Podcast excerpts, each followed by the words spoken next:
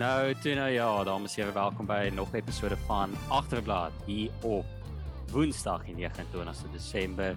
Ek is Hendrik, jy weet een van die mede aanbieders van die program. En vandag is dit 'n baie spesiale episode van die program waar ons die heel eerste Agterblad blaadjies toekenning het. Waar ons terugkyk op die jaar van sport 2021 en ons toppresteerders van die jaar kroon. Saam met my om vandag hierdie prestigious award show by te woon en te analiseer is die volle agterblad span as Willem Rautenbach, François van Sail, Charles Eksteen en Alton Du Plessis. Voordat ons by verrigtinge kom, ouens, gaan dit met julle? Goeie Kersfees gehad?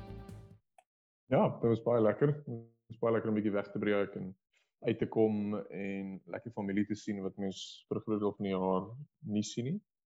En uh, ja, ons is nou al weer deel van die vakansie waar mens nie weet of dit Woensdag, Dinsdag of Donderdag is nie. So dankie Henry dat jy my herinner het wat se dag dit is. Ek waardeer dit.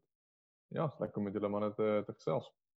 Maar dit nee, dit gaan baie lekker. Ek uh, is nog hier op Strysbaai by die see en ek kyk 'n bietjie die krieket hierdie dag. En ek geniet die sonskyn, so op die oomblik gaan niks regtig so sleg nie behalwe dat die Proteas nie hulle beste krieket speel nie, maar verder, nee, wat lekker, baie dankie man. Met my gaan dit ook goed. Kersfees was lekker geweest. Feestyd is altyd lekker. Um, ek moet dankie sê aan die Engelse cricketspan dat ek nou weer behoorlik kan slaap. Dit was 'n paar dae nogal rof om die Ashes te kyk van 2 uur tot 9 uur en dan die Proteas van 10 tot 5. Maar hulle het gelukkig in 12 dae die Ashes verloor. So nou is ek verlos van daai burden. Ons is maar net hier so ek weer die huis rond 'n rustige Kersfees. Ehm um, ek dink vandat ek in die Kaap bly is dit die eerste keer wat dit nie op Kersdag gereën het nie. So dit is ook iets 'n uh, interessante stat om in te gooi. Maar ja, nee, verder gaan dit baie goed. Nou ja, ons staan aan die einde van 'n uh, interessante jaar om mense te sê. Ehm um, en dit het ons nou gebring na ons toekennings van die jaar. Nou ek dink vir sportspelers is al paar toekennings waarmee mense wil wegstap in jou loopbaan, wees dit 'n speler van die jaar, die Amerikaners MVP.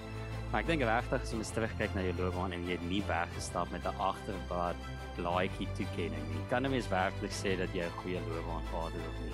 Ek weet wel dat die stemproses van hierdie toekennings beter is as wêreldrugby se. So ons het klaar daai voordeel aan ons kant. So, ons begin dan met die eerste toekenning die breakthrough ster van die jaar. So ek wil by julle ouens hoor wie julle kandidaat is vir die nuwe kid on the block, die nuwe speler of span wat vir julle uitgestaan het wat tot vore gekom het in die jaar van sport. Wie is julle kandidaate daar? Vir my in die Olimpiese spele was daar iemand wat duidelik uitgestaan het en dit was Christine Mboma van Namibië, die 19-jarige ster wat die silwermedalje in die 200 meter gekry het. En ek dink wat dit nog meer ongelooflik maak is dat die 200 meter nie eintlik haar sterk nommer is nie. Ehm uh, sy is eintlik 'n 400 meter atleet, maar weens die ehm um, uh, internasionale olimpiese komitee se uh, links oor die testosteroon vlakke in vroue kon sy nie daaraan deelgeneem het dieselfde as Caster Semenya, maar sy het 'n hele nuwe item leer hardloop en nog steeds die silwer medalje gekry. Dit is regtig ongelooflik. Al die pad uit Grootfontein uit in Namibië. Dit is vir my eintlik uh nie iets uh iemand waarna ek regtig veel gedink het voordat uh hierdie topik opgekom het nie, maar ehm um, ek gaan terug gaan na Formula 1 toe en ek gaan sê ek dink die grootste deurbraak ster, die grootste man wat die meeste potensiaal vir my gewys het daar was Mick Schumacher gewees. Ehm um, ek weet Hallo. hy is besig. Hallo. okay. Okay. Ehm um, uh, hy het in 'n kar gery wat eerlikwaar ek dink hy is stadiger as my ma se was masjien. Ehm um, en hy het ek weet nou nie of dit uh, noodwendig die beste ehm um, kom ons sê maat maatstaf is om teen sy spanmaat te meet nie, maar hy het in 'n paar wedrenne meer as 'n minuut voor sy eie spanmaat geëindig. Ehm um, maar in 'n swaarige kar soos syne het hy kom ons sê plekke gewys. Hy het nou nie punte gekry in die voorafgenoemde uh, wasmasjien nie. Het hy nog steeds ehm um, 'n paar keer nie tweede laaste of laaste opgeëindig nie, wat ek dink die verwagting was vir die seisoen. Ehm um, en ja, ons het 'n paar groot oomblikke van hom gesien. Ehm um, veral kom ons sê in die heel laaste wedren van die uh, van die seisoen wat uh, my eintlik 'n goat se ehm um, kom ons sê my hoop en drome vir my gout gebreek het ehm um, waar hy en Nicholas Latifi wiel aan wiel gery het vir omtrent halwe lap. Ehm um, ek sou sê dit is 'n hoë die performance en ek dink hy het eintlik op 'n stadium ook vir Lewis Hamilton opgehou ehm um, in die Hongarye of Hongar Hongarye Grand Prix, Hongarese Grand Prix, ek weet nie. Ehm um, het hy hom bietjie opgehou daar. So ek sou sê Mick Schumacher is my die deurbraak ou. Almal het al gedink daar hy gaan goed wees, maar niemand het verwagtinge nie en hy ek dink hy het al die verwagtinge oorskry. Ja, kyk, ek wil net ja, ek wil net graag weer weet hoekom wanneer ook al jy na 'n stadige kar verwys dat hierdie seisoen op agterblad meerendeels gegaan het wanneer jy na Ferraris verwys. Hoekom jy 'n uh, 'n wasmasjien gebruik as jou reference point.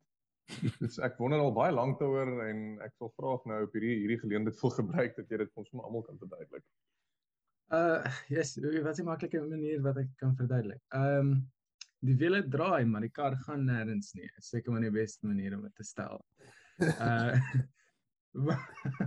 maar ja, dis omtrent as jy met dink dink aan aerodinamika en absolute performance gebaseerde tegnologie, dan is dit omtrent waar dit uitkom. en dit was omtrent was as wasmasjien. So, daar's daai woord. Ek wou ook noem eh, Mick Schumacher staan dan ook die belangrikste ou buite die top 2 in terme van 'n rol speel in die kampioenskap besluit. So ek dink hy daai manier het hy definitief uitgestaan. Jy is. ja. Ja, ek dink dit is 'n Goeie shout.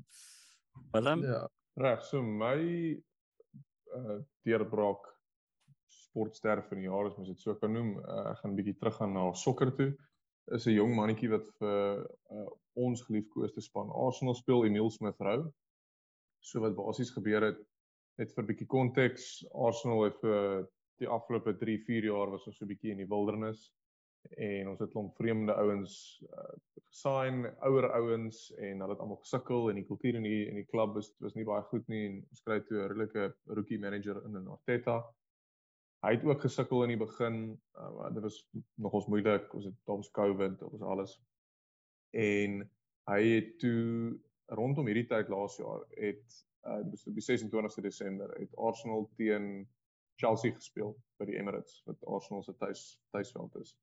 En hier's hierdie jong mannetjie Emil Smith Rowe wat almal wat Arsenal ondersteun so half van geweet het as hierdie jong mannetjie wat weet baie potensiaal het en hy het hom daai dag het hy hom begin speel. Vir die eerste keer het hy sy debuut gemaak as 'n starting player in in Arsenal se span.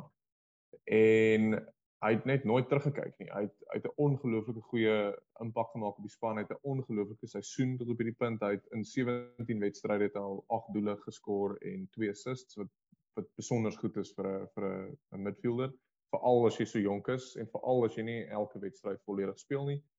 En binne in daai tyd as jy nou die die jare van 2021 vat en jy gaan kyk na al die Premier League spanne hoe hulle gedoen het, nie noodwendig in die een seisoen nie, maar in die, in die einde van laas jaar se seisoen en in die begin van hierdie jaar se het Arsenal die tweede meeste punte aangeteken.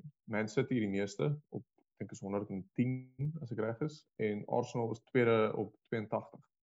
Na die wen teen Norwich vermoed ek is dalk al 85 nie seker of dit voor of na die wedstryd was nie, maar die impak wat hy gemaak het op 'n span wat so gesukkel het vir so lank was net vir my merkwaardig en as 'n 21-jarige ouetjie om dit te doen net sonder vrees te speel was vir my was my baie indrukwekkend en hy toe hy toe later ook sy debuut vir Engeland gemaak. So dit was 'n baie baie groot jaar vir hom en dis baie lekker om te sien hoe sulke jong mannetjies dit deurmaak tot op die tot op die grootste vlak. Ja kyk, ESA was tans gelyk vierde vir meeste doele in die Premier League wat hy seisoen en dis van 'n midfield. Dis baie goed. Ja, ek moet sê ek, ek wil net vanaand in Simon sê ek stem 100% saam met jou Willem. Ek dink hy's 'n great. Ek nou dag te kyk ek 'n wedstryd van ons van Arsenal nou. Ek dink daar was net 3 of 4 ouens in die span wat bo 24 was. So jy kan eintlik half daai hele jong kortbon van Arsenal spelers opsit as as 'n as 'n goeie deurbraak vir die span. So ja, nee, ek stem 100% saam. Ja, so, nou, so net net, net Yes. vinnig op dit voor jy aangaan na jou toe. Dit is nogals interessant as jy gaan kyk na die Premier League, die 10 jongste, vermoedes dalk al meer starting line-ups van spanne van die hele Premier League van elke span van elke wedstryd, al 10 is is deur Arsenal uh op die veld gesit. So ons het hierdie ongelooflike jong span. Ja nee, nou aan was dit was gewees Jaka was ouer, uh Paul, Lacazette, toe al nog uh, besluit het hy wil sokker speel, toe hy ouer natuurlik. En ek dink daar was nog een ou, kan nie onthou nie, maar ja. Maar my deurbraak ster vir die jaar is 'n man wat vir die Blitsbokke uitgedraf het, JC Pretorius. Hy is iemand dalk bekend is vir ouens wat die Blitsbokke volg al vir 'n tydjie, maar hierdie jaar homself sement as 'n starting speler vir die vir die span. Hy's 'n voorhuisspeler as 'n ou kyk net hoe dominant die Blitsbokke was hierdie jaar en hoe groot rol hy gespeel het vir sy span, moet ek sê hy het, hy het ewe skielik 'n step up gemaak van 'n 'n bankie speler na 'n starting speler in een van die beste sportspanne van die jaar van hierdie jaar. So JC wel dan vir hom en ek is opgewonde te sien wat hy volgende jaar gaan doen in die in die Blitsbok dry. Ja, ek dink almal goeie kandidaate. Nou net soos wat meeste van die mense wat hierdie toekenningshuis doen, gaan ek bietjie korrup wees in my kriteria stel. Um ek probeer dink aan 'n individuele persoon om hierdie toekenning voor te gee. Natuurlik kom dit vir my neer op ek gaan dit bietjie verander in 'n idee bewaak sterwe van die jaar in sport. Gaan ek as 'n span vat en dis eintlik gebaseer op een wedstryd wat ek dink ons later ook oor dalk jou waarskynlik kan praat by ander toekennings. Ek gaan vir die Franse rugby span gaan. Bloot as gevolg van dit was basies enige rugby hipster se span van die jaar soos vir die jaar aangegaan het. En ek dink basies daai een result in die All Blacks het almal so oop gemaak as wow die ouens is eintlik nogal ernstige contenders.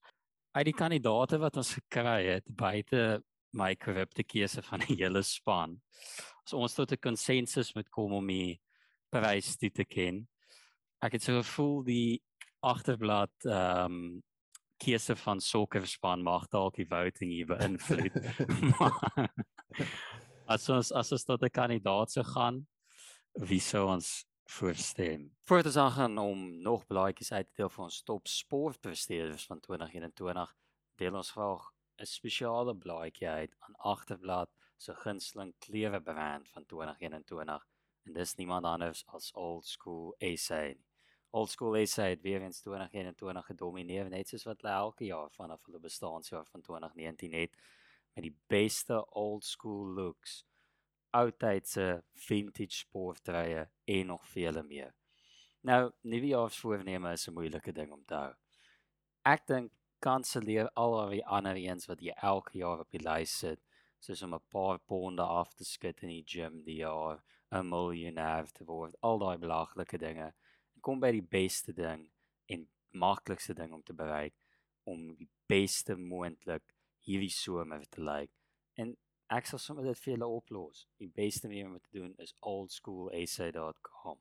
Dis oldschoolsa.com. Jy kan die kode agterblad, die naam van die program gebruik om 'n volle 100 bokke, 100 rand afslag te kry by julle volgende kope op oldschoolsa. Dis die een van die vintage rugby treye of hulle nuwe Somersets Gentlemen's range vir die somer. Ons sê baie dankie aan Old School SA vir hulle ondersteuning van die program. En nou aan met ons volgende blaadjie. Alton, jy Ek wil net sê op Emil Smith rou en die rede hoekom ek nie vir hom sal stem nie. Is Emil Smith rou is basies Conor Gallagher as hy sy hare korter gesny het. en Hy's basies maar so Simpson in die Bybel, as hy sy hare afsny dan verloor hy sy kragte. So as hy se kare soos Conor Gallagher gehad het, dan die man 20 goals 'n season geskoor. Uh ek sal nie gaan vir Emil Smith ry nie. Ek dink hy's baie goed, maar ek dink daar's daar's ander mense wat meer verrassend was. So selfs die Franse nasionale rugby span. Ek dink hulle was regtig 'n groot het 'n deurbraak jaar gehad waar daar was nie in die afgelope paar jaar vreeslike verwagtinge van die Franse span. Hulle het gesukkel in die ses nasies ook. Hulle het dink twee wedstryde verloor in wat 'n redelike sterk kompetisie is, maar nie soort van die premier kompetisie in die wêreld is nie. Ehm um, waar ek dink Emil Smith Rowe mense het altyd verwag, okay, hierdie ouetjie gaan vrek goed wees. Ehm um, of ten minste ek het en ek is nie eens 'n Arsenal ondersteuner nie. Ehm um, so so ek dink daar's ons al mense wat sterker deurgebreek het as dit. Maar jy is welkom te verskil van my. Ja, ek ehm um, daar gaan ek nou net moet moet indruk en ek moet sê altyd ondersteun vir Crystal Palace. So natuurlik weet hy niks van sokker af nie. So ek dink ehm um, alles wat hy wow. sopas gesê het, moet alles wat julle wat hy sopas gesê het, moet asseblief ehm um, nie in ag geneem word nie. Ehm um, Ja. maar hy het 'n paar goeie punte, maar ek moet sê vir my is dit nog steeds die Will Smith rou. Um, ek neig om saam met Willem te stem, hy het 'n paar goeie punte gemaak. So en hy het vir my fantasy ook goeie punte gemaak. So daai daai man is 'n shoe-in. Surely moet hy dit vat. Ja, kyk die die enigste rede hoekom ek dit nie vir die Franse span sal gee nie is as jy gaan kyk na die die res van hulle resultate die jaar was dit nie so anders as wat jy sou verwag nie. So hulle het byvoorbeeld close game teen Wales gewen, maar hulle het in Skotland verloor in Frankryk. Die eerste keer dat Skotland in Parys gewen het in baie baie lank. Toe het hulle twee keer teen Australië verloor en toe aan die einde van die jaar het hulle vir Argentinië, Georgia en Nieu-Seeland gewen. So van al daai wedstryde is dit so is nie regtig verrassend nie. Die die Nieu-Seeland resultaat op sigself was was vir my baie verrassend. En ek dink as Frankryk so kan aanhou speel, sal hulle vir my meer 'n uh, contender wees vir breakthrough span van volgende jaar. Smith Rowe wat dit wat wat hom vir my meer as 'n breakthrough star maak is dat hy die hele jaar so indrukwekkend was en dat alhoewel mense altyd hierdie verwagting het van jong ouetjies is dit baie moeilik om iets wat jy doen in die under 23s om daai selfe impak te hê wanneer jy op die op 'n op 'n jy weet in die Premier League speel. En baie min van die jong ouetjies kry dit reg en ek dink mense vergeet soms dat dit moeilik is as jy na iemand soos Arsenal kyk waar ons nou 'n klomp jong ouetjies het wat deurkom soos 'n Saka en 'n Martinelli en 'n Smith Rowe en uh, al hierdie met Erdegaard en almal wat eintlik baie goed speel en dis eintlik dis dis nie normaal nie. En ek dink net die hoe maklik hy aangepas het maak hom vir my 'n bietjie meer merkwaardig as die as die Franse span en vir daai rede gaan ek gaan ek bly by Smith Rowe. Ja kyk, ek, ek moet bieg en sê dat my keuse van die Franse rugbyspan was heeltemal gebaseer net op vibes en nie enigstens op statistiek. So nou dat ek die resultaat noem, resultate noem laat my 'n bietjie my keuse betwyfel. Kyk, so korrups is wat ek hou van te wees by hierdie tipe goed en ek definitief vir Mick Schumacher sou wou gaan. Ek weet of ek self kan gaan met 'n ou wat alhoewel hy die beste gedoen het met die gereedskap wat hy gehad het, kan gaan met 'n ou wat geen punte aangeteken het in die jaar. So ek weet nie ek weet nie of ons vir daai so dit lyk like my net soos enige ander sporttoekenning is dit bias wat gaan heers en dit lyk asof die eerste blaadjie toekenning vir die Braak sportster van die jaar dan aan Emil Smith rou gegaan. So cue die applause.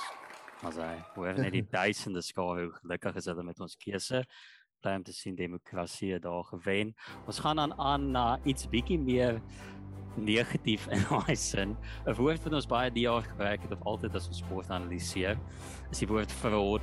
Um ja, ons het al menige kere in 'n uh, analise van sport na sekere sportster gekyk of gedink hoe op dese aarde het hierdie persoon hierdie posisie gekry. Um laat my dink aan jy weet spelers soos 'n uh, Choupo-Moting in sokker wat elke keer basies sleg doen en na 'n beter span te skuif as gevolg van dit. So as ons hom as die top voorbeeld van dit kan gebruik, wil ek dan by julle manne hoor, wie is julle fraud van die jaar vir sport vir 2021? Alton, gaan jy ons weer afskool? Vir my is dit 'n bietjie ander definisie van fraud want ek gaan vir Tim Payne voorstel as my fraudulent karakter van die jaar. Ah, no. Ehm um, ek no. weet nie of die manne die die opbou tot die Ashes dopgehou het nie, maar hy het verskriklik vir Joe Root en Engelse span op getune en gesê, jy weet, julle is nou bang om te reis want dis bubbles en COVID en al daai goed, maar Joe Root, die Ashes gaan aangaan of jy nou hier is of nie. Ehm um, en dan oor die algemeen as jy sulke goed sê, moet jy darm seker maak dat jy wel by die Ashes gaan wees. Ehm um, en na sy hele SMS skandaal is hy toe nie daar gewees nie. Ehm um, so so ek dink dis nogal 'n redelike vlak van fraudulence wat daar gehandhaaf is deur Tim Payne.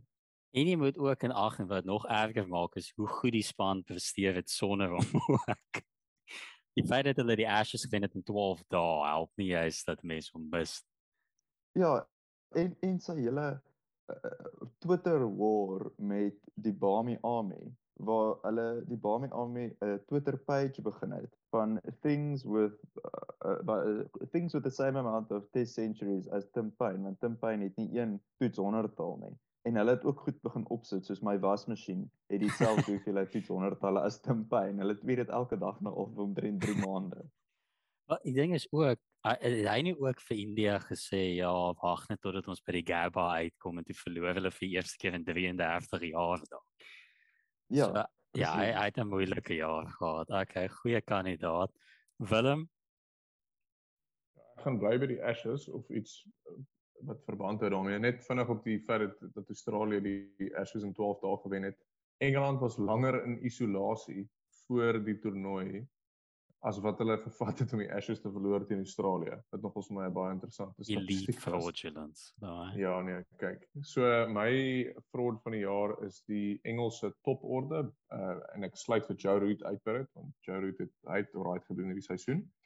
Maar as jy nou 'n bietjie hierdie gaan meer 'n statistiese argument wees want ek dink nie mense besef net wenig hoe sleg die ouens was vir die hele seisoen nie.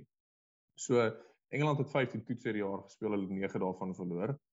Hulle het 54 ducks gekry wat die meeste is wat 'n span nog ooit in 'n toetsjaar gekry het en ehm um, hulle het hulle eie rekord ge-equal wat hulle ek vermoed dit was in 1998 het hulle ook 54 ducks gekry. So dis die eerste keer dat iemand weer 54 ducks in 'n jaar kry en dit het hulle nou hulle eie rekord basies weer gebreek. Dan die top 7 se gemiddeld buiten Joe Root was 22 wat absoluut absurd is.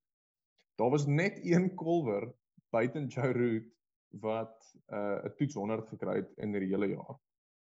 En um, en daai persoon het nie eens meer as een nie. Daar was net 100 wat nie Joe Root was nie. Nog steeds meer as Tim Payne natuurlik, maar nog steeds nie baie baie indrukwekkend nie. En ehm um, en bo boonbehalwe dit wat amper die hele die ECB vir my selfs meer fraudulent maak is hulle het 2.1 miljoen pond se bonusse aan ECB executives betaal hierdie jaar.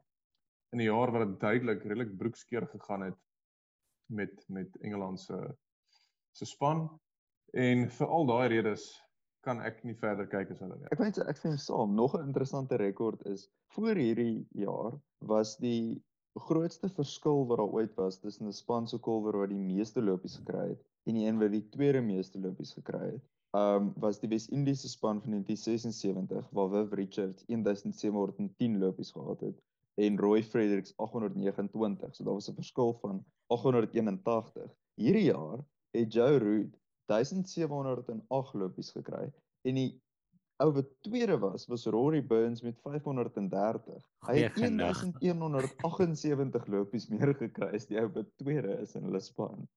Ja kyk, dit dit sal nogal 'n man lei om 'n breek van die sport te vat as jy rondom jou kyk en dis die ouens wat saam met jou. Ek wou sê hier by hier in die area waar ek woon, hier by die so dam naby my huis is daar 'n bietjie van 'n eend probleem. Dans is daar's te veel eende. En ek dink Engeland het meer ducks in hulle batting order gehad as wat hierdie dam by my het. So ek sê dit vir hulle gee. En Willem, ek dink goeie kandidaat. Ek dink jy het fraudulence in die sportsin en halfe bedrog deel by in die letterlik. So goeie kandidaat. François, Uh ek het eintlik ek het twee twee twee voorstelle, maar ek dink almal gaan verwag dat die nommer 1 wees wat ek gaan sê Michael Massive en hy FIA is. Ehm hy maar ter uh kom ons sê om om net te probeer voorkom dat ek in trane uitbars in die middel van hierdie episode, gaan ek 'n ander kandidaat kies. Ehm um, ek het nogal gewonder oor die ene want daar was maar 'n paar interessante sportoomblikke gewees, maar ek kon myself nie help om net te sê toe ek die webtuiste raakloop op die internet, ehm um, toe ek 'n vinnige search gedoen het van when did mazepinspin.com. Ehm um, dit raakloop toe besef ek net luister hierso.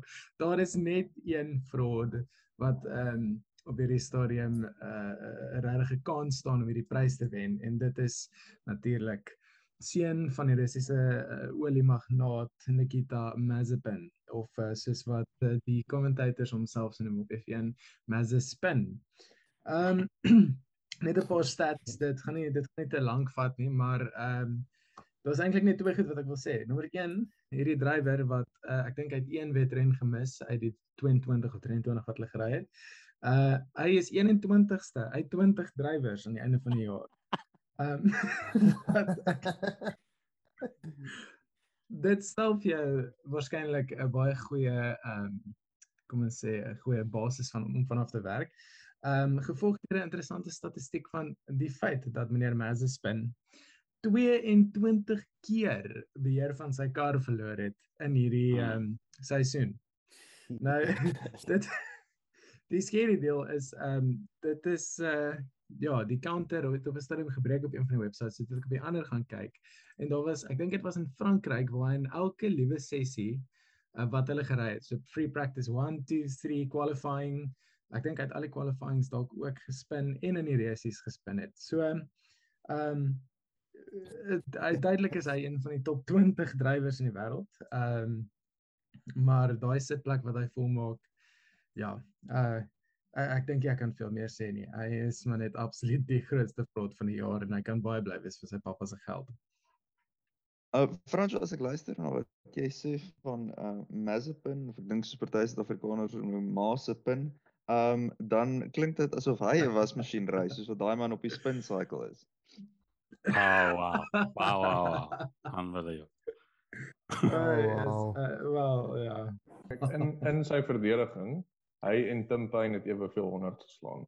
Oh wow. So, Wow. eintlik kan hy nie kan nie te lelik met hom wees nie. Hy het Tim Payne en Alton se wasmasjien ook. Maar kom ons ek ek raak nou 'n bietjie ernstig. Ek wil nou 'n bietjie hard praat met my agterblad fraud van die jaar. Dis vir my fraud van die jaar is Wêreld Rugby as 'n organisasie. Ek het nog bietjie hoop in hulle gehad totdat ek die nominasies gesien het vir Wêreld Rugby speler van die jaar. Um toe nie Eben Etzebeth kan jou aan Sia Kolisi in aanmerking geneem as jy het hulle net onmiddellik van alle credibility verloor. So net met fraudulence en ek praat nie eens van rassiese storie nie. Ehm um, daar sal natuurlik ook baie te sê. So uh, ja man, dit wêreld rugby is is dit lyk vir my hulle is op 'n downward trend en dit gaan nie vinnig ophou nie. So gelukkig is hulle my fraud van die jaar.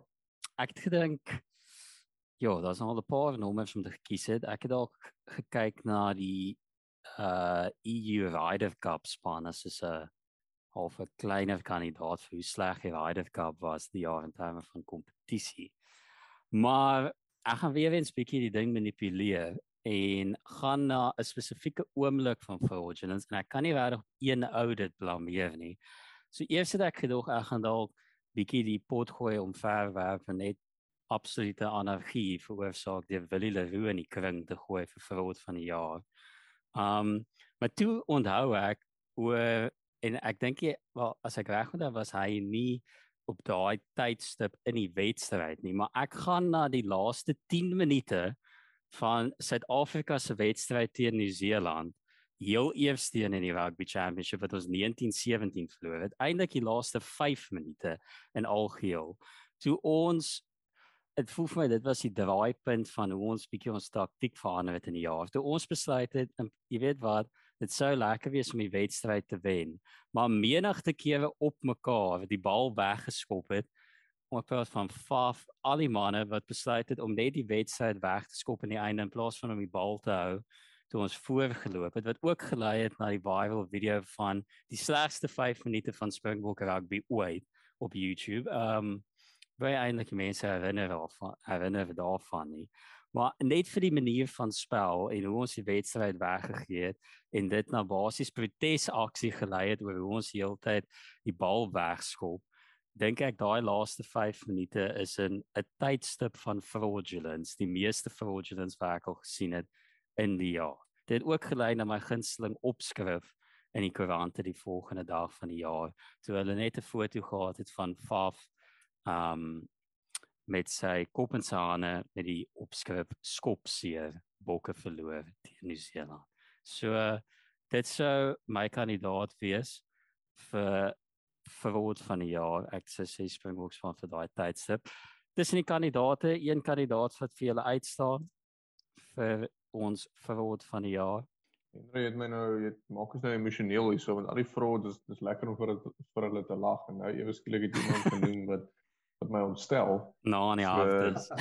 ja, dit is bietjie moeilik om objektief te dink hier hoor, maar ja, daai laaste daai 5 minute het my baie ontstel die jaar en ek kon nie verstaan hoekom Ek onthou dat na die tyd toe sê hulle ja, hulle het so baie vertroue in hulle spelpatroon dat hulle besluit het om by dit te bly. Ek dink Ursel Jantjies het dit ook gesê. Maar daar het ek het ek vir 'n oomblik bietjie hoop verloor in in ons manier van speel. So bloot vir emosionele doeleindes gaan ek vir dit stem, maar objektief gesproke dink ek nog steeds Engeland se top toporde is, is heeltemal useless. Nee, So, net ook noem as 'n versagtige versagtende omstandighede moet ons ook net in ag neem dat uh Stellenbosch se mees geliefde dans kuierplek Nieuwbaar waarskynlik nou toe sou wees as dit nie was vir die ongelooflike bydraes wat Willie Leroux gemaak het aan hulle tydens die vorige 2 jaar. Ja. Ja. So ek ek weet nie of dit dalk help nie, maar ek sou net sê eh, eh, eh, as Mm. dit dan nou die vlot van die jaar moet wees, wil ek ook dan net namens Stellenbosch dankie sê daarvoor. Kyk, Dis is nou dis dis dis dis, jammer Faf de Klerk kon nie ook vir opskop gered het nie. Ek dink hy's nogal mooi daarin. Uh Okay, wel.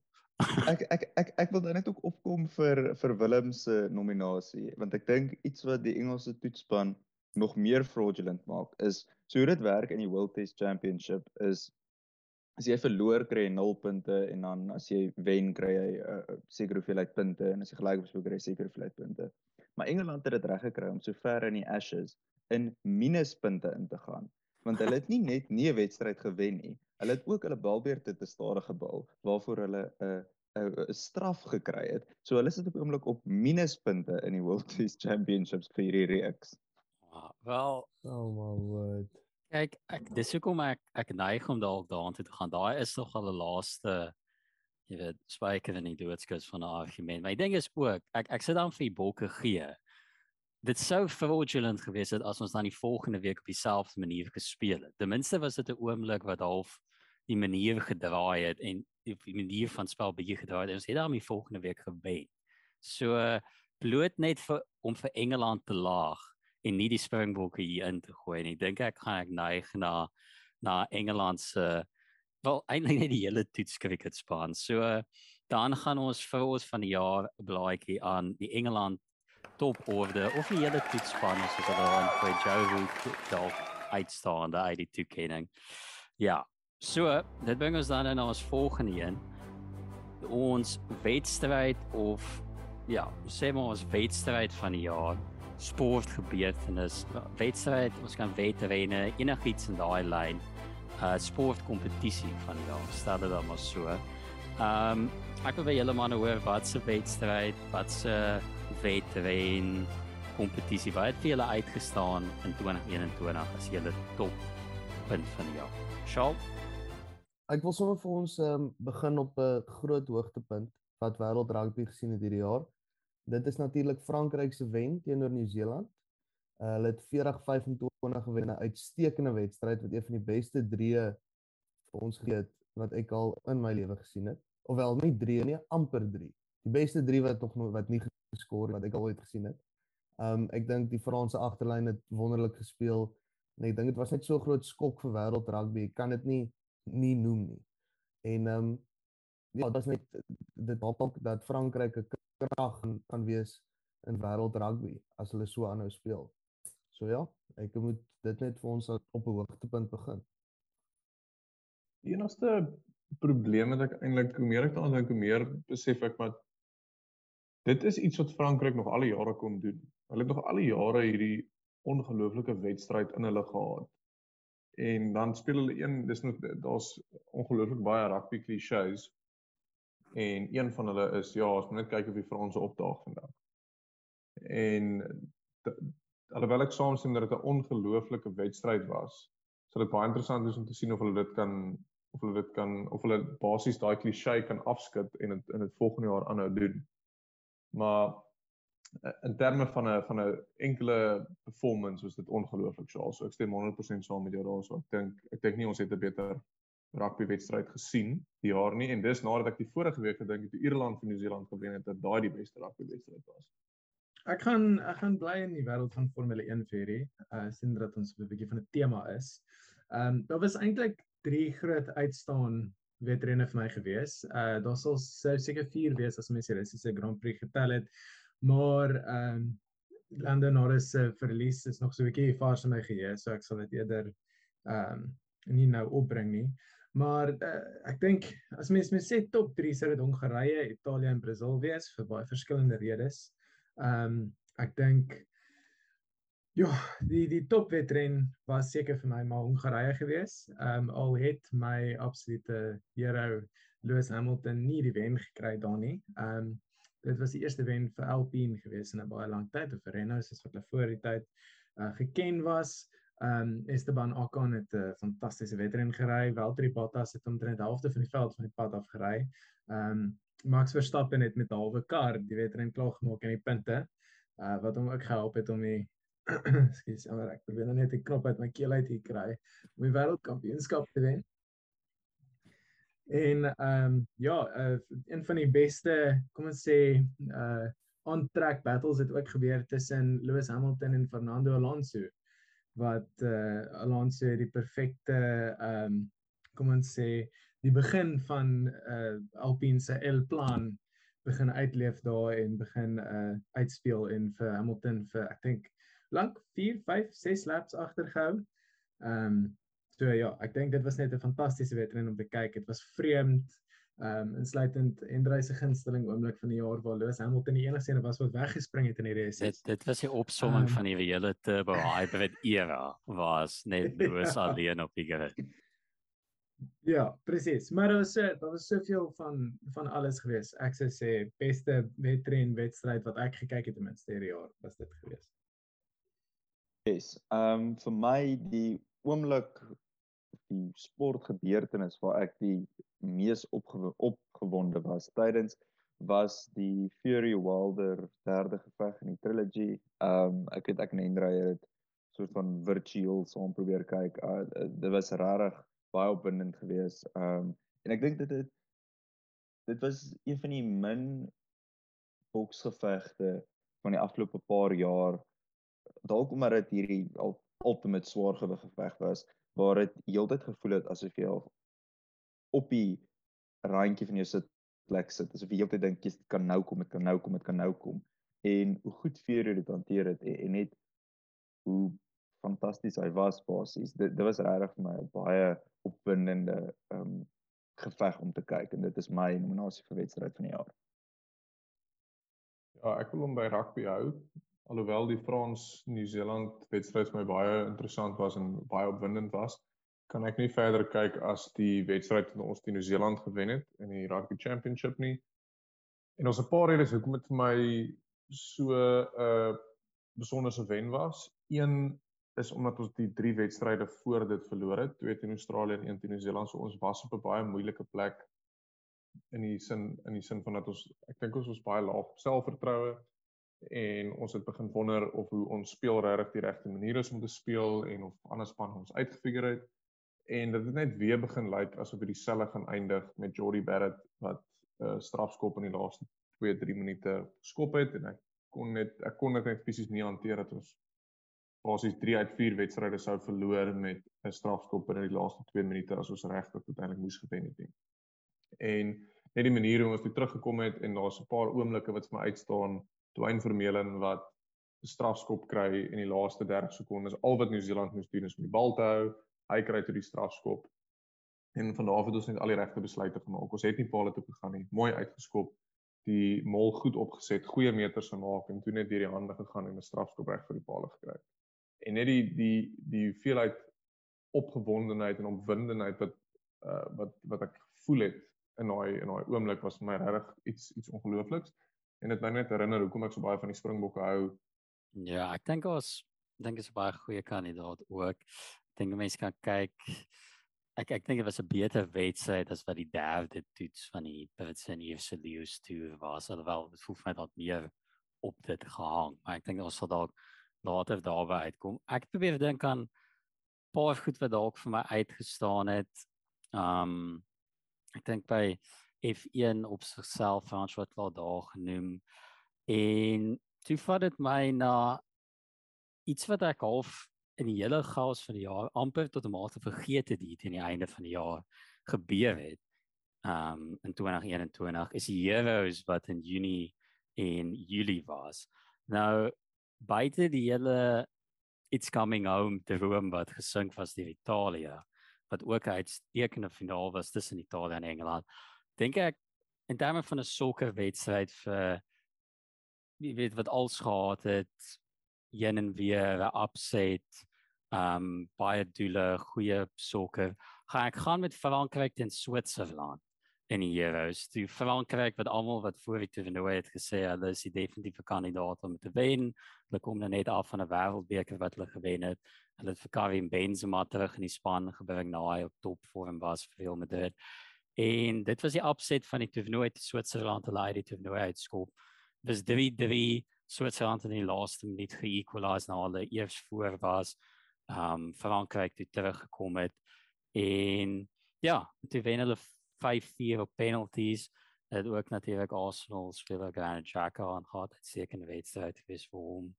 En ja, ek dink vir upset en sokkerwedstryd vir jaar in die basis die mees gekykte toernooi van die jaar in sokker. So ek gaan met dit. Maar ek dink al die kandidaate wat jy genoem het is 'n goeie een. Is daar enige een wat vir julle uitgespring het waarop ons tot 'n konsensus kan kom? Ek dink Wilder 4-3 was ook hoog op my lys in terme van dit was die eerste keer in 'n week wat vir my gevoel het ook dat 'n boksgeveg soveel aandag geniet het en vir die trilogy fight se laaste een was dit uitstekende heen en weer tussen die twee. Wat sien dit vir julle uitgestaan as ons by konsensus kom? Ek neem aan die Springbok wedstryd gaan ook half jou bo op almal se lys wees vir die resultaat wat aan ons kant gegaan het ek dink amper juist vir daai rede moet mens dit amper uh, apart hou want ek dink as jy objektief nou iets soos 'n Wilder Fury 3 gaan kyk en vergelyk dit 'n Springbok wen teen Nieu-Seeland wat niks eintlik saak gemaak het buiten trots nie want ons kon in elk geval nie meer die rugby championship wen nie.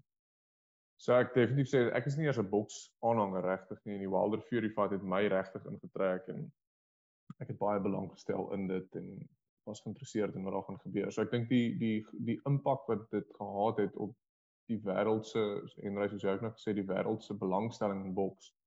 So ek sê was dit ek ek gaan my stem vir dit gee. En ek dink dis 'n baie waardige wenner van van hierdie blaadjie. Lyk like nou as ons daar gegaan met Wilder teen Fury 3 vir ons blaadjie vir beste sport kompetisie of wedstryd in die geval in die geval geveg van die jaar. Dit neem ons dan nou in na die latere stukke van ons toekennings, die groot kanonne wat nou opkom. Ons sportspan van die jaar. So, ek wil by julle ons hoor wat se sportspan het vir julle uitgeblink as die toppresteerders in 2021. Sjoe.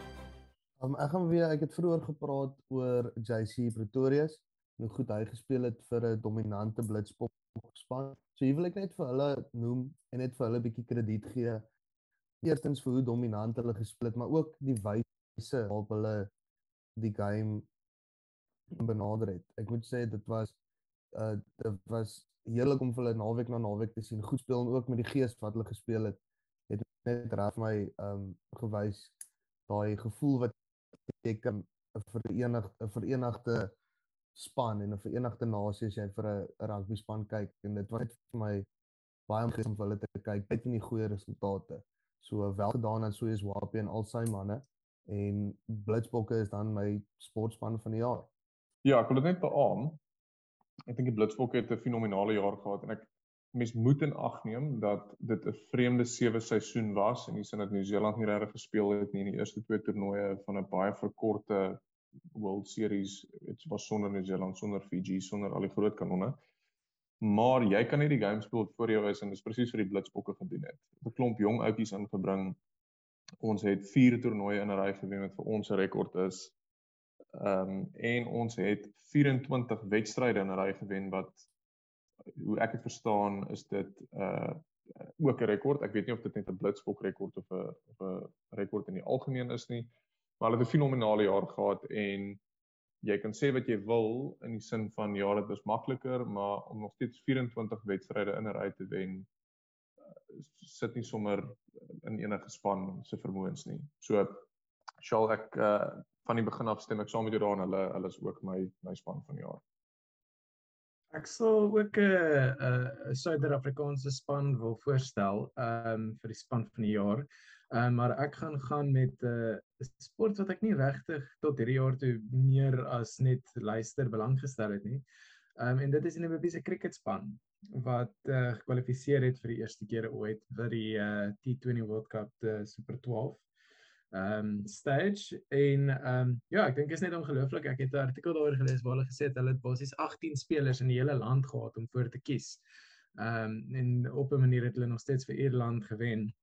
Nou weer eens ek is nie regtig groot cricket kenner of liefhebber daarvan nie. Ek kyk dit maar vir die elke nou en dan net vir die lekker daarvan, maar ek dink is nog 'n baie groot ehm um, prestasie veral as mens net regtig in ag neem dat dit Namibia is en dat hulle regtig nou nie die wêreld se sterkste sport uitstaan ehm uh, kom ons sê mag is nie veral nie in cricket. Ja, Frans het my 'n bietjie onverhoeds betrap. Ek wou 'n ander cricketspan voorgestel het, maar ek voel nou so of ek sal my ehm um, hopelik toekomstige borgskap van Windhoek Lager af verloor as ek nie ook sê dat Namibia waardige wenners hiervan sal wees nie. Ehm um, maar vir my die span wat ek wou voorstel is New Zealand se cricketspan wat die World Test Championship gewen het. Ehm um, ek dink net wat dit beteken het vir kleiner cricketlande as jy kyk soort van die hegemonie, die totale beheer wat Indië, Engeland en Australië oor wêreld cricket het en vir 'n klein landjie van 4 miljoen mense waar cricket nie eers die die die, die eerste sport is nie waar wat vir Indië met 'n biljoen mense waar cricket basies geloof is in die finaal van die World Test Championship. En ek dink die die boodskap wat dit gestuur het um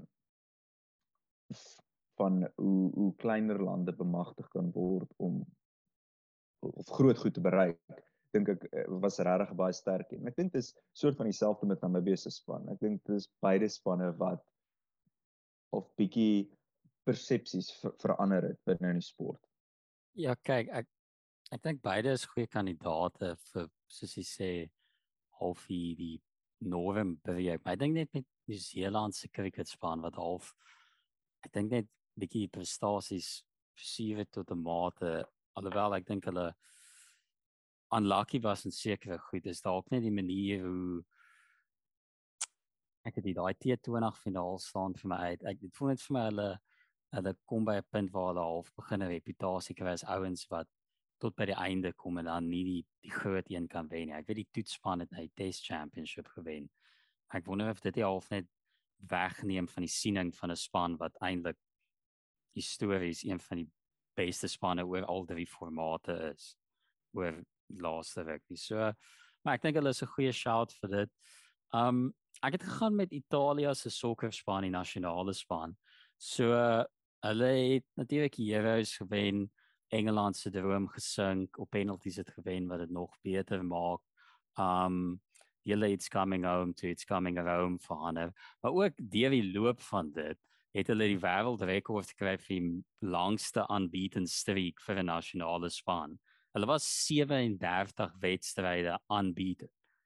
Die loop van dit. Toe hulle doen nou eventueel teen Spanje in die Nations League semifinaal verloor.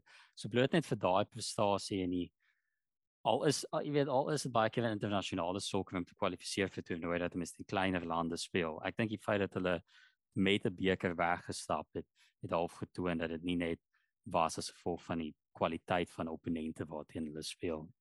So tussen die kandidate wat ons het, is daar 'n konsensus wat ons kan bereik vir ons sportspan van die jaar. Die wegstap met nog 'n trofee in vorm van die agterblad blaaitjie. Sjoe. Ehm um, so graag is wat ek wil wat ek wil wil hê alteneem met jou Windhoek sponsorship kry. Ek ek maar settle vir tafel lager, maar ek gaan ehm um, ek gaan in chime en sê ja, ek uh, stem saam met julle manne wat die Namibiese cricketspan gekies het. Ehm um, ek dink nie ons moet enigstens downplay maak op hoe goed hulle presteer dit hierdie jaar. Ek dink hulle was uitstekend geweest en hulle hulle teen teen all odds teen many odds baie goed presteer op 'n op die hoogste vlak. So wel dan vir hulle en ek back vir hulle as as 'n moontlike kandidaat vir ons span van die jaar. Ja, ek stem heeltemal saam. Ek ek dink Namibië se cricketspan het iets vermag wat niemand gedink het moontlik was nie. Ehm um, ek as ek reg onthou, hulle het die meeste kwalifiserende wedstryde gespeel om net te kon kom tot by die kwalifiserende wedstryde vir die Wêreldbeker. Hulle het hulle reis begin op 'n mat pitch in Botswana waar hulle actually verloor het teen Botswana. So om soveel groei te toon in 2 jaar is net absoluut ongelooflik en ek dink daar's daar's niemand wat dit meer verdien as die Namibiese cricketspan nie. Ja, hoe graag ek ook wil hê die Blitsbokke moet wen, dink ek die Blitsbokke se uh, wat hulle reg gekry het was onwaarskynlik en wat Namibië reg gekry het was absoluut absurd. En vir daai vir daai rede wil ek ook uh, dink ek Namibië kies as my as my span en hopelik kan ons kan ons hulle eendag saam gaan kyk as 'n agterbladspan. Ek dink dit sal 'n sal 'n baie interessante ervaring vir ons almal wees.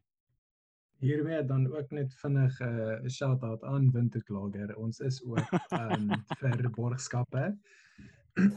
uh, ons sal julle span tot die dood toe ondersteun. Uh julle weet waar om ons te kry. @agterblad potgooi op Instagram. Stuur vir ons 'n DM. Ja, kyk ek ek, hm. ek, ek, ek, ek maak reeds 'n groot bydrae om om Windhoek se uh, omset uh, in stand te hou. So ek voel hulle kan 'n bietjie teruggee vir ons ook.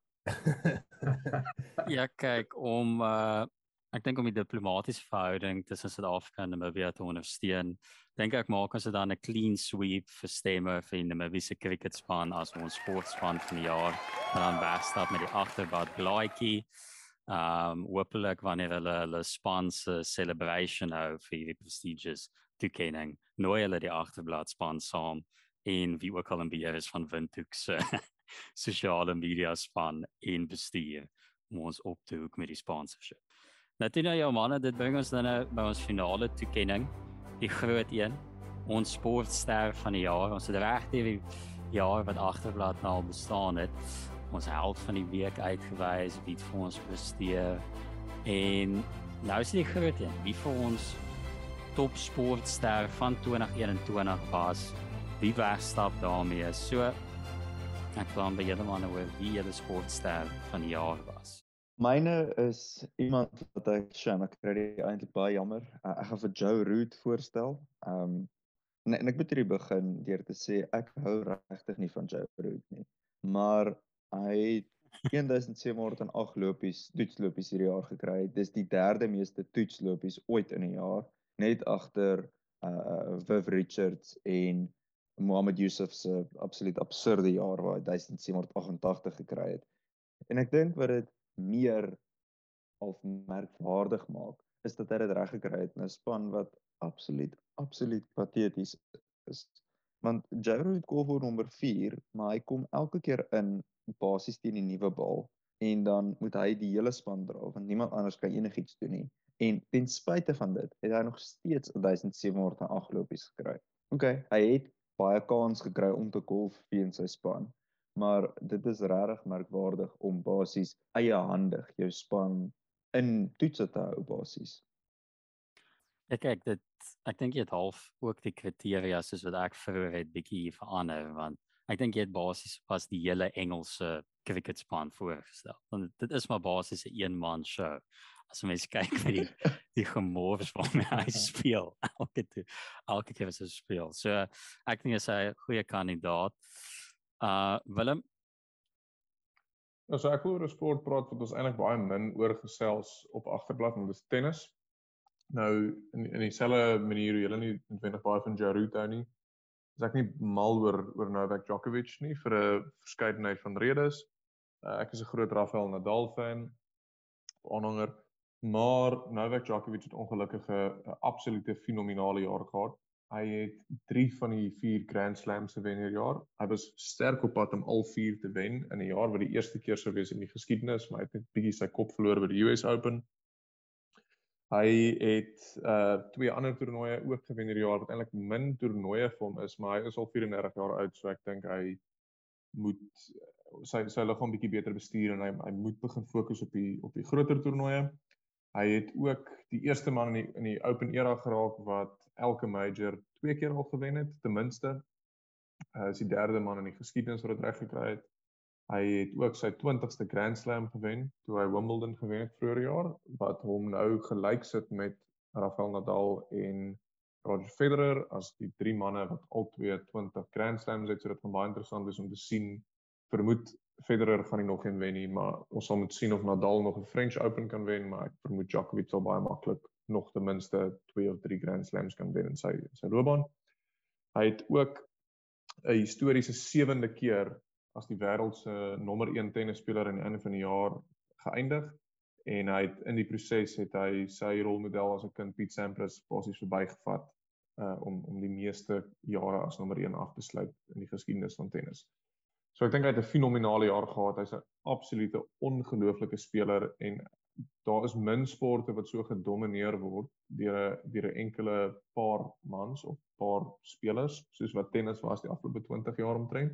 Ek eh, gaan wegbeweeg van ons tradisionele sporte af of kom ons sê die sporte wat ons uh, gewoonlik op fokus en ek gaan gaan met die laureates of die sportsmen's ag wat nou Sports Illustrated uh the sports person of the year Tom Brady vandag. Uh, vir die wat nie weet nie, hy's 'n quarterback nou by die Tampa Bay Buccaneers in um, die NFL series in Amerikaanse voetbal. Um, hy het iets reg gekry hierdie jaar wat uh niemand nog ooit gedoen het nie. En dit is die 7de Super Bowl gewen saam met sy span.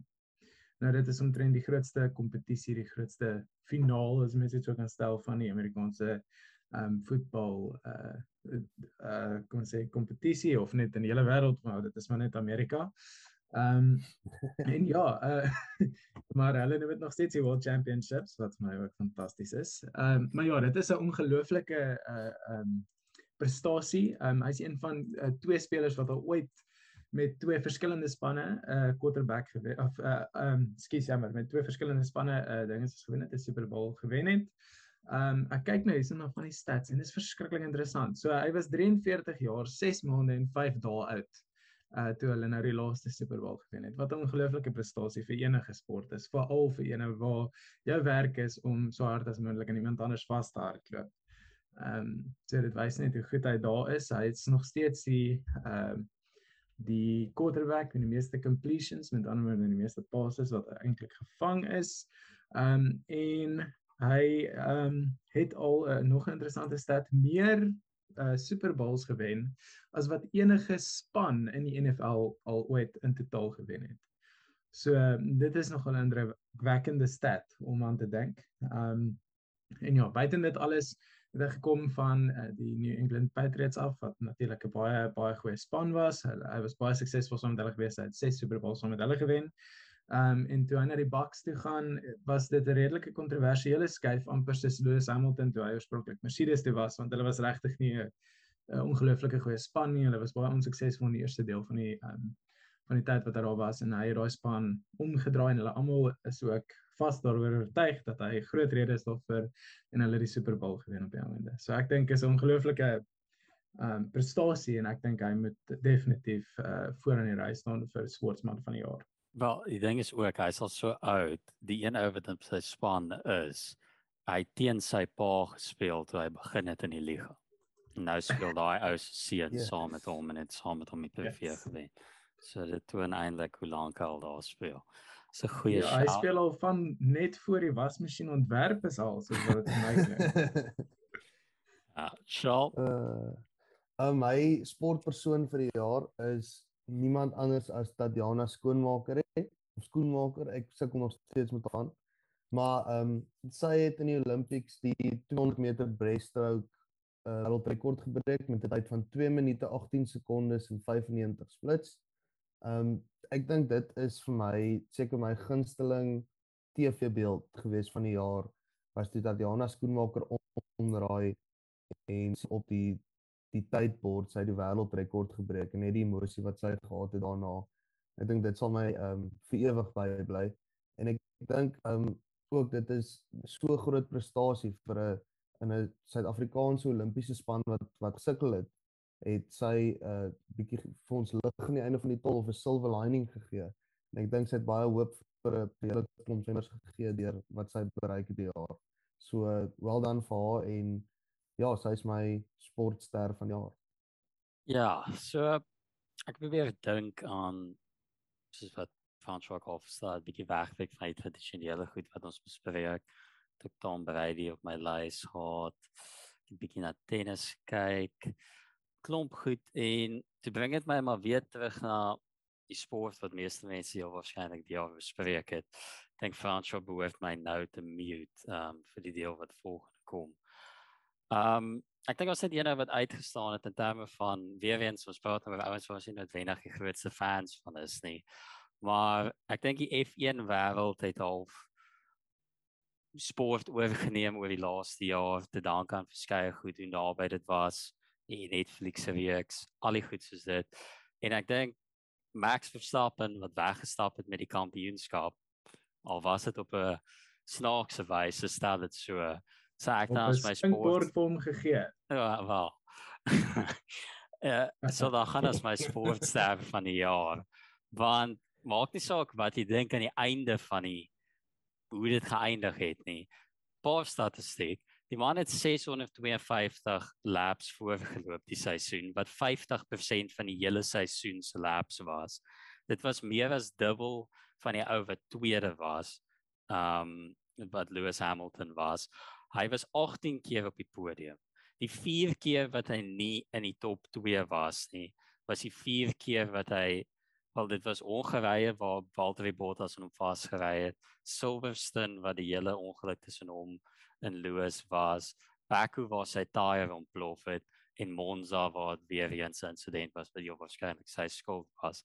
Ek dink net vir uitkom as die top kampioen in die sport wat half ek weet nie die wêreld se aandag geniet het die jaar vir goed of vir sleg gaan ek dan gaan met Max Verstappen as my sportster van die jaar want hy ek dink jy mense 2021 se storie van sport kon vertel sonder Max Verstappen plus hy het ook twee goeie liedjies wat oor hom gemaak is die Pit Stop Boys wat ook catchy is so hy het hom dit wat sy gunstel ook so ek sal gaan met Max Verstappen so vir die laaste toekenning is daar enige kandidaat waarop ons 'n konsensus kan bereik? Ons het nou nog al 'n goeie range van sporte gekover. Waarheen sou julle lean met ons laaste toekenning dan vir sportser van die jaar? Dit mag dalk verbasend klink, maar hoewel ek dink ehm um, of nog steeds hard gebroke is oor die feit dat Hamilton nie die kampioenskap gewen het nie uh dink ek jy is eintlik 100% in die kol. Ek was nog nie bereid om dit self op papier neer te sit en te sê dit is wat dit is nie, maar ek dink jy is reg. Um Verstappen het ongelooflike seisoen gehad en um dit was 'n ja, uh, in terme van die hele seisoen en net die manier wat die sport en die sportwêreld deur die hele Hamilton Verstappen uh kom ons sê clash saamgekom het en wat Verstappen op die einde suksesvol weggeloop het en eintlik gedomeineer het wil ek ook nie daai woorde oor my lippe sê nie. Um ek dink dit was 'n ongelooflike seisoen van hom af vir 'n ou wat wat 23, 24 jaar oud is om sulke tipe prestasies te kan te kan uithamer is ongelooflik. So ek sou sê miskien is jy reg, maar mm, onder protes. Ek uh, sê enigiemand anders wat in daai rigting beweeg. Ek ek ek, ek stem ek stem heeltemal saam met met Max Verstappen. Ek dink as ek dit moet vergelyk met iets, dink ek F1 het hierdie jaar op mense se aandag gegryp, amper soos wat boks mense se aandag begin gryp het toe Muhammad Ali begin het. En ek sien al baie parallelle in dit.